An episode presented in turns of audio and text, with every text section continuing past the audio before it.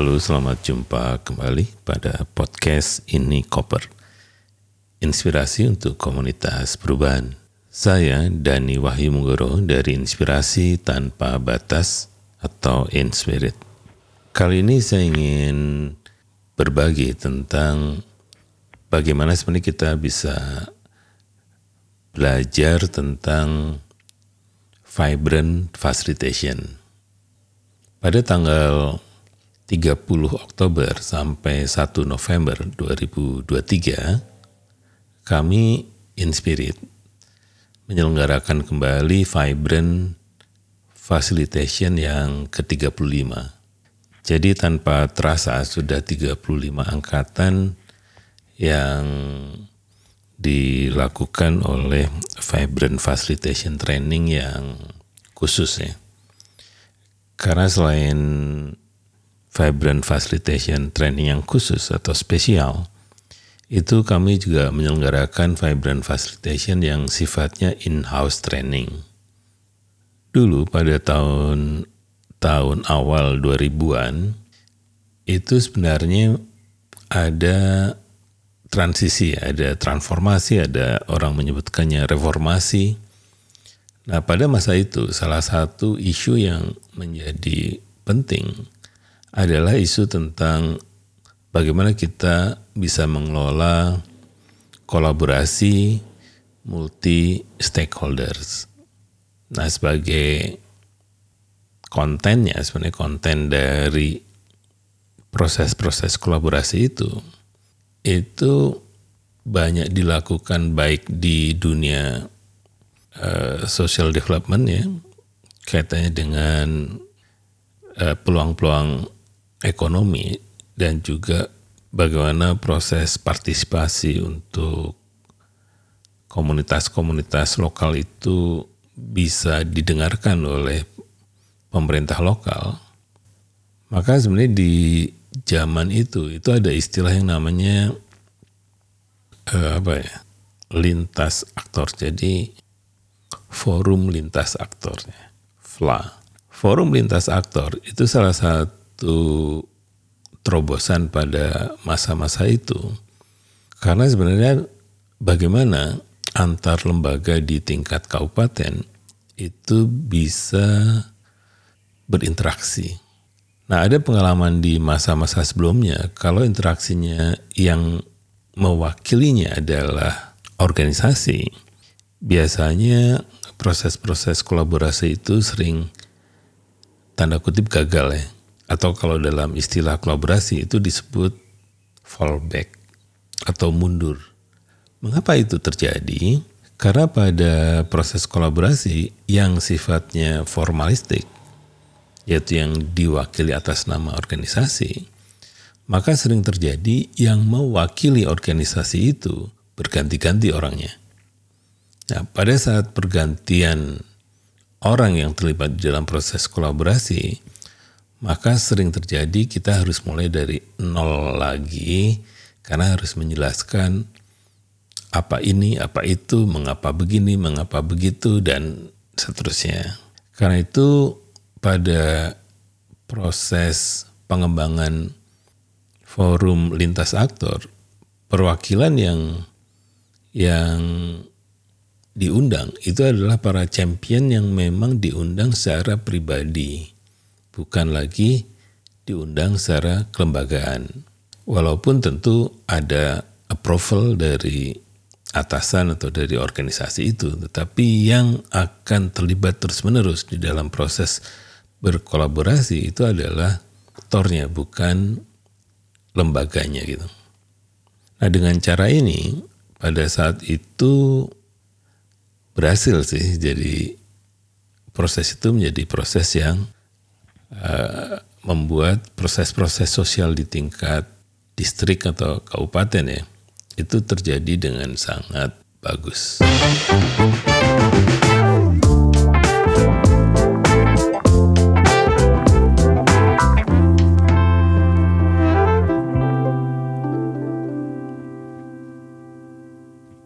Nah, apa hubungannya dengan vibrant? Sebenarnya begini. Jadi proses berkolaborasi itu dibutuhkan fasilitator. Nah pada masa-masa itu fasilitator masih punya bias dengan proses-proses sosial sebelumnya, yaitu proses-proses yang terjadi pada saat Orde Baru. Nah pada saat Orde Baru itu proses-proses partisipasi hampir tidak ada ya. Karena itu pada saat banyak organisasi masyarakat sipil menggunakan proses fasilitasi dari desa ke desa, dari kelompok-kelompok masyarakat ke kelompok masyarakat yang lain. Perannya sebenarnya adalah kadang sering disebut sebagai community organizer. Nah, pada saat community organizer, karena pada saat itu ada misi besar untuk bisa menumbangkan ya atau membuat masyarakat kritis atau critical mass, maka fasilitator pada masa-masa itu itu sebenarnya kawin mawin dengan tadi antara fasilitator dan juga liberator gitu. Yaitu yang sedang melakukan pembebasan. Karena memang bacaan-bacaan menjadi fasilitator itu sangat sedikit. Referensinya itu adalah dari Afrika yang kemudian sebenarnya juga tidak terlampau apa tanda kutip progresif tapi kemudian ada juga Filipina. Ya, Filipina itu dianggap progresif karena mampu menjatuhkan Marcos ya pada tahun 88 kan. Jadi di sini sebenarnya para aktivis yang mempromosikan dunia fasilitasi ini itu juga menunjukkan fasilitasi itu sifatnya jadi agak manipulatif untuk mendidik masyarakat itu berpolitik, bersikap pada apa yang merugikan masyarakat. Karena itu jarang terjadi di dalam proses-proses itu bagaimana sebenarnya masyarakat juga bisa lebih independen ya menyatakan dirinya gitu. Nah, jadi di sini para aktivis yang pada saat itu ada memang melakukan tanda kutip mobilisasi ya mobilis, mobilisasi agar masyarakat itu melawan gitu. Nah setelah reformasi itu ya terjadi ambigu tentang dunia fasilitasi itu. Ada tetap bahwa fasilitasi itu bagian dari community organizer dan itu sampai saat ini juga sangat kuat pandangan itu. Nah salah satu yang saya tafsirkan dalam dunia fasilitasi adalah bagaimana sebenarnya fasilitasi menjadi miniatur masyarakat yang demokratis. Maksudnya adalah bagaimana melatih semua pihak pada saat fasilitasi itu saling mendengarkan, kemudian saling memahami. Nah, pada gilirannya kita akan melakukan satu proses agreeing yang juga mutual gitu. Jadi kualitas dari keputusan itu yang kemudian menjadi pokok pada saat fasilitasi itu berlangsung. Vibrant facilitation adalah perkembangan dari proses-proses sosial itu.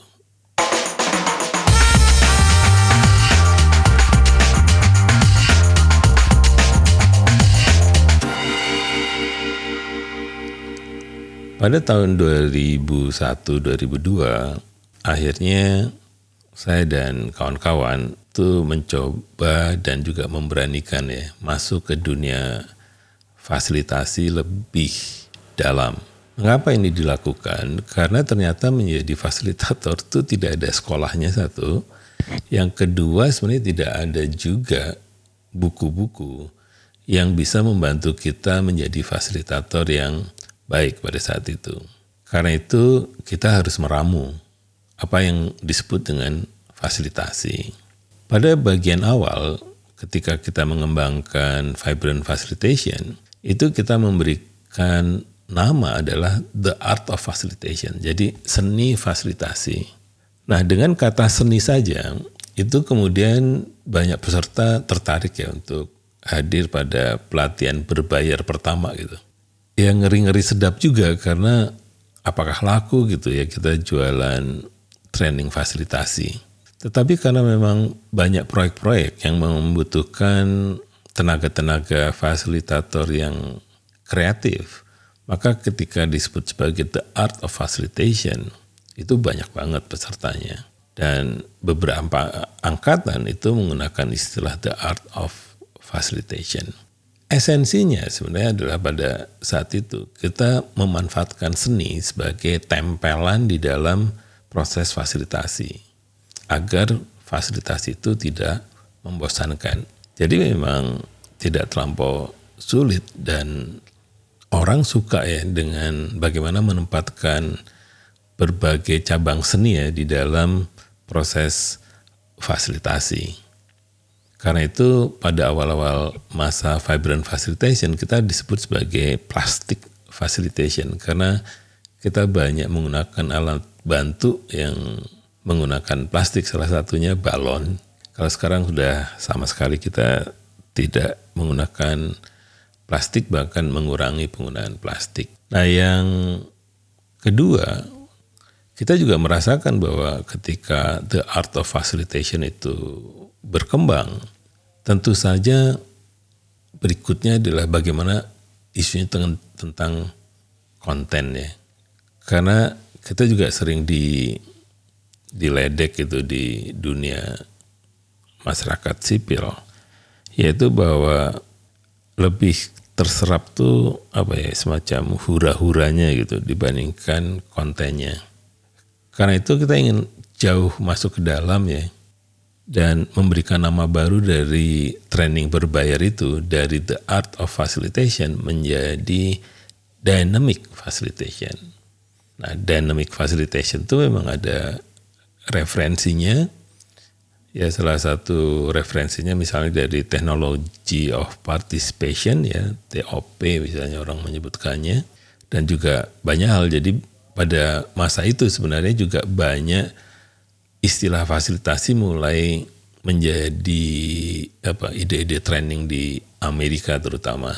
Nah, di sini yang yang menarik sebenarnya adalah bahwa di dalam dynamic facilitation itu ada semangat untuk bagaimana sebenarnya proses-proses fasilitasi mengurangi dominasi, kemudian juga mengurangi kontrol. Karena itu setiap peserta dibebaskan dengan mengaktifasi otak kanannya. Ya, jadi dalam konteks dinamik ini otak kanan itu menjadi pemicu proses fasilitasi. Nah dengan cara ini kita mulai memahami bahwa kenapa proses itu harus dikembangkan karena otak manusia itu antara otak kiri dan otak kanan itu dua energi yang luar biasa gitu. Nah, hanya di dalam proses fasilitasi sebelumnya sering kita fokus pada otak kanan dan eh otak kiri, tapi otak kanannya menjadi tempelan saja. Nah, di dynamic itu otak kanan itu bagian penting di dalam proses untuk membantu. Satu tadi untuk building trust itu kan otak kanan ya. Kemudian setelah itu ada akan ada sebenarnya adalah semacam apa resonance. Jadi resonansi ketika konten itu dimasukkan, kemudian ada full of energy, ya jadi akan muncul dari energi ganda antara otak kanan dan otak kiri, dan pada akhirnya sebenarnya akan muncul yang namanya antusiasme. Jadi di proses ini sebenarnya ini sudah pra vibrant, ya jadi pra vibrant ini sebenarnya berangkat dari dynamic facilitation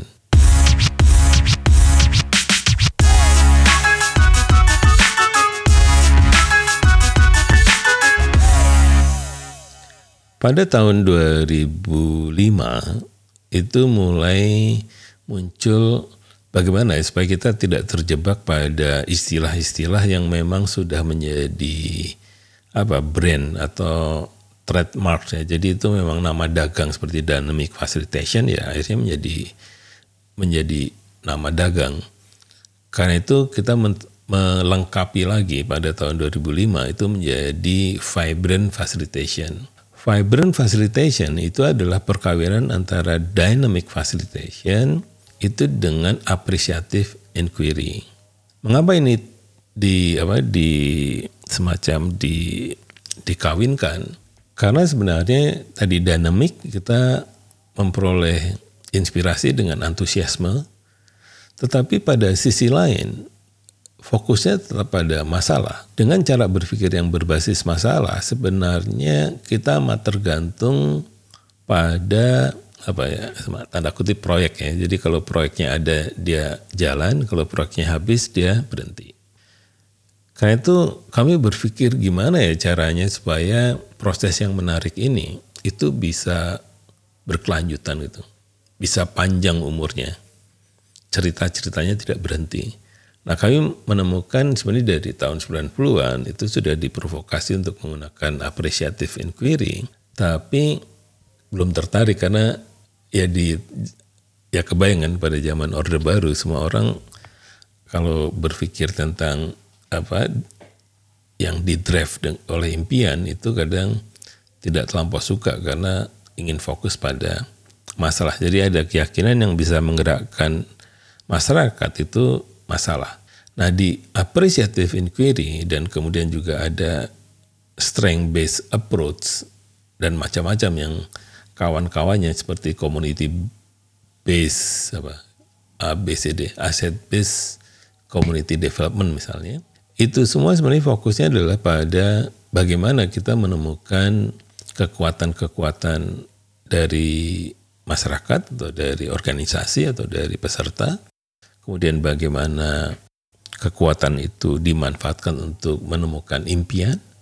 Nah, setelah menemukan impian kita bisa menemukan inovasi melalui cara berpikir desain dan pada akhirnya adalah bagaimana kita melakukan langkah-langkah yang kita bisa lakukan dengan mandiri. Nah, dengan perkawinan dua gagasan besar ini, kami menyebutkannya adalah si vibrant.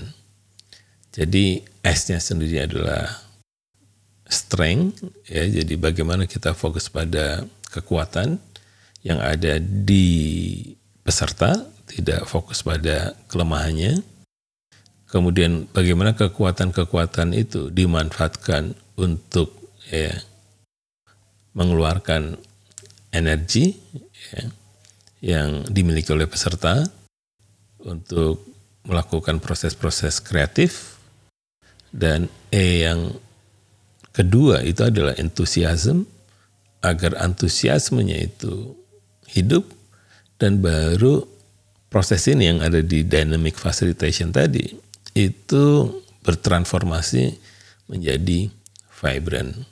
Vibrant itu adalah sebuah proses yang fokusnya pada mengaktifasi keagungan insani. Nah, jadi ada bagian yang ketiga dari vibrant itu mengawinkan dengan yang ada di Eight Habit-nya Stephen Covey. Itu bagaimana sebenarnya kita menemukan yang disebut suara jiwa. Nah, kalau semua peserta itu bisa menemukan suara jiwanya, maka ini disebut dengan creative community. Nah, creative community ini yang yang dibangun di dalam proses vibrant facilitation. Jadi akan membangun namanya vibrant community pada setiap proses vibrant facilitation gitu. Nah, vibrant facilitation ini dikembangkan karena ingin mendorong agar apa pun interaksi sosialnya itu bisa melahirkan inovasi-inovasi yang melampaui batas gitu. Jadi sejak saat itulah Inspirit bertransformasi menjadi inspirasi tanpa batas.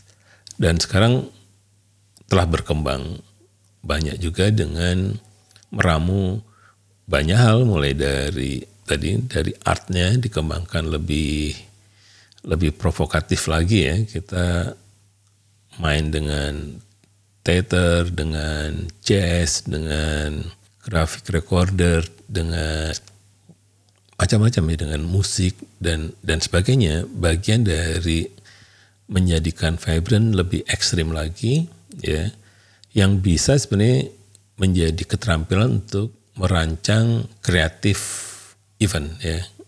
Jadi di kreatif event ini kita pernah merancang untuk 7.000 orang, untuk 35.000 orang, bahkan bagaimana menjangkau 85.000 orang. Gitu.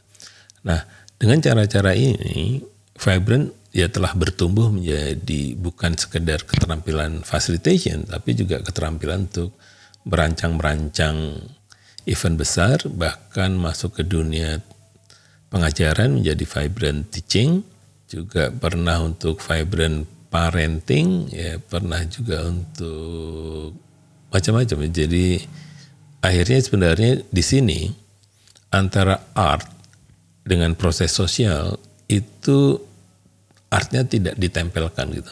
Tapi artnya itu menjadi core-nya. Dia embedded, dia melekat gitu pada tahapan setiap tahapan proses vibrant facilitation. Lagi-lagi ujungnya tetap sama dengan yang ada di dynamic yaitu bagaimana muncul antusiasme sehingga prosesnya itu bukan untuk mengontrol peserta tapi untuk membebaskan peserta. Jadi itu yang menjadi fokus dari vibrant facilitation.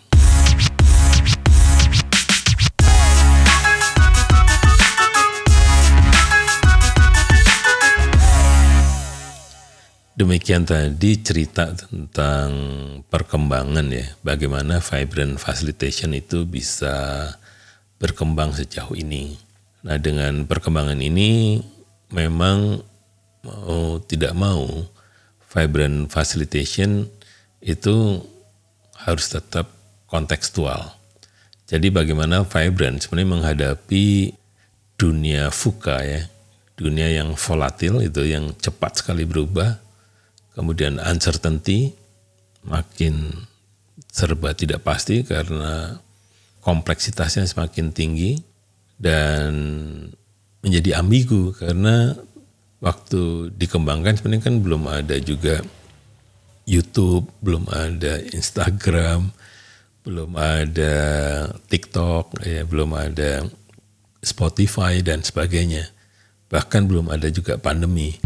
Jadi kita menghadapi banyak tantangan untuk bisa menghidupkan vibrant facilitation itu menjadi semacam uh, bahasa ya. Jadi dalam menjadi apa semacam ya bahasa bahasa untuk proses-proses sosial yang lebih seru itu. Jadi ini semacam operation system ya. Jadi sistem operasi yang bisa diinstal menjadi bahasa di individu ya, dengan mengubah mindsetnya, kemudian mengubah di tingkat organisasi, itu mengubah bagaimana mereka berkomunikasi secara internal, dan yang ketiga adalah bagaimana mengubah social system juga via komunikasi yang lebih advance, lebih baik internal maupun eksternal. Jadi itu saja uh, cerita tentang vibrant facilitation. Semoga bermanfaat karena kami di Inikoper percaya bahwa berbagi apa pun akan bermanfaat bagi komunitas perubahan. Sampai jumpa pada edisi berikutnya.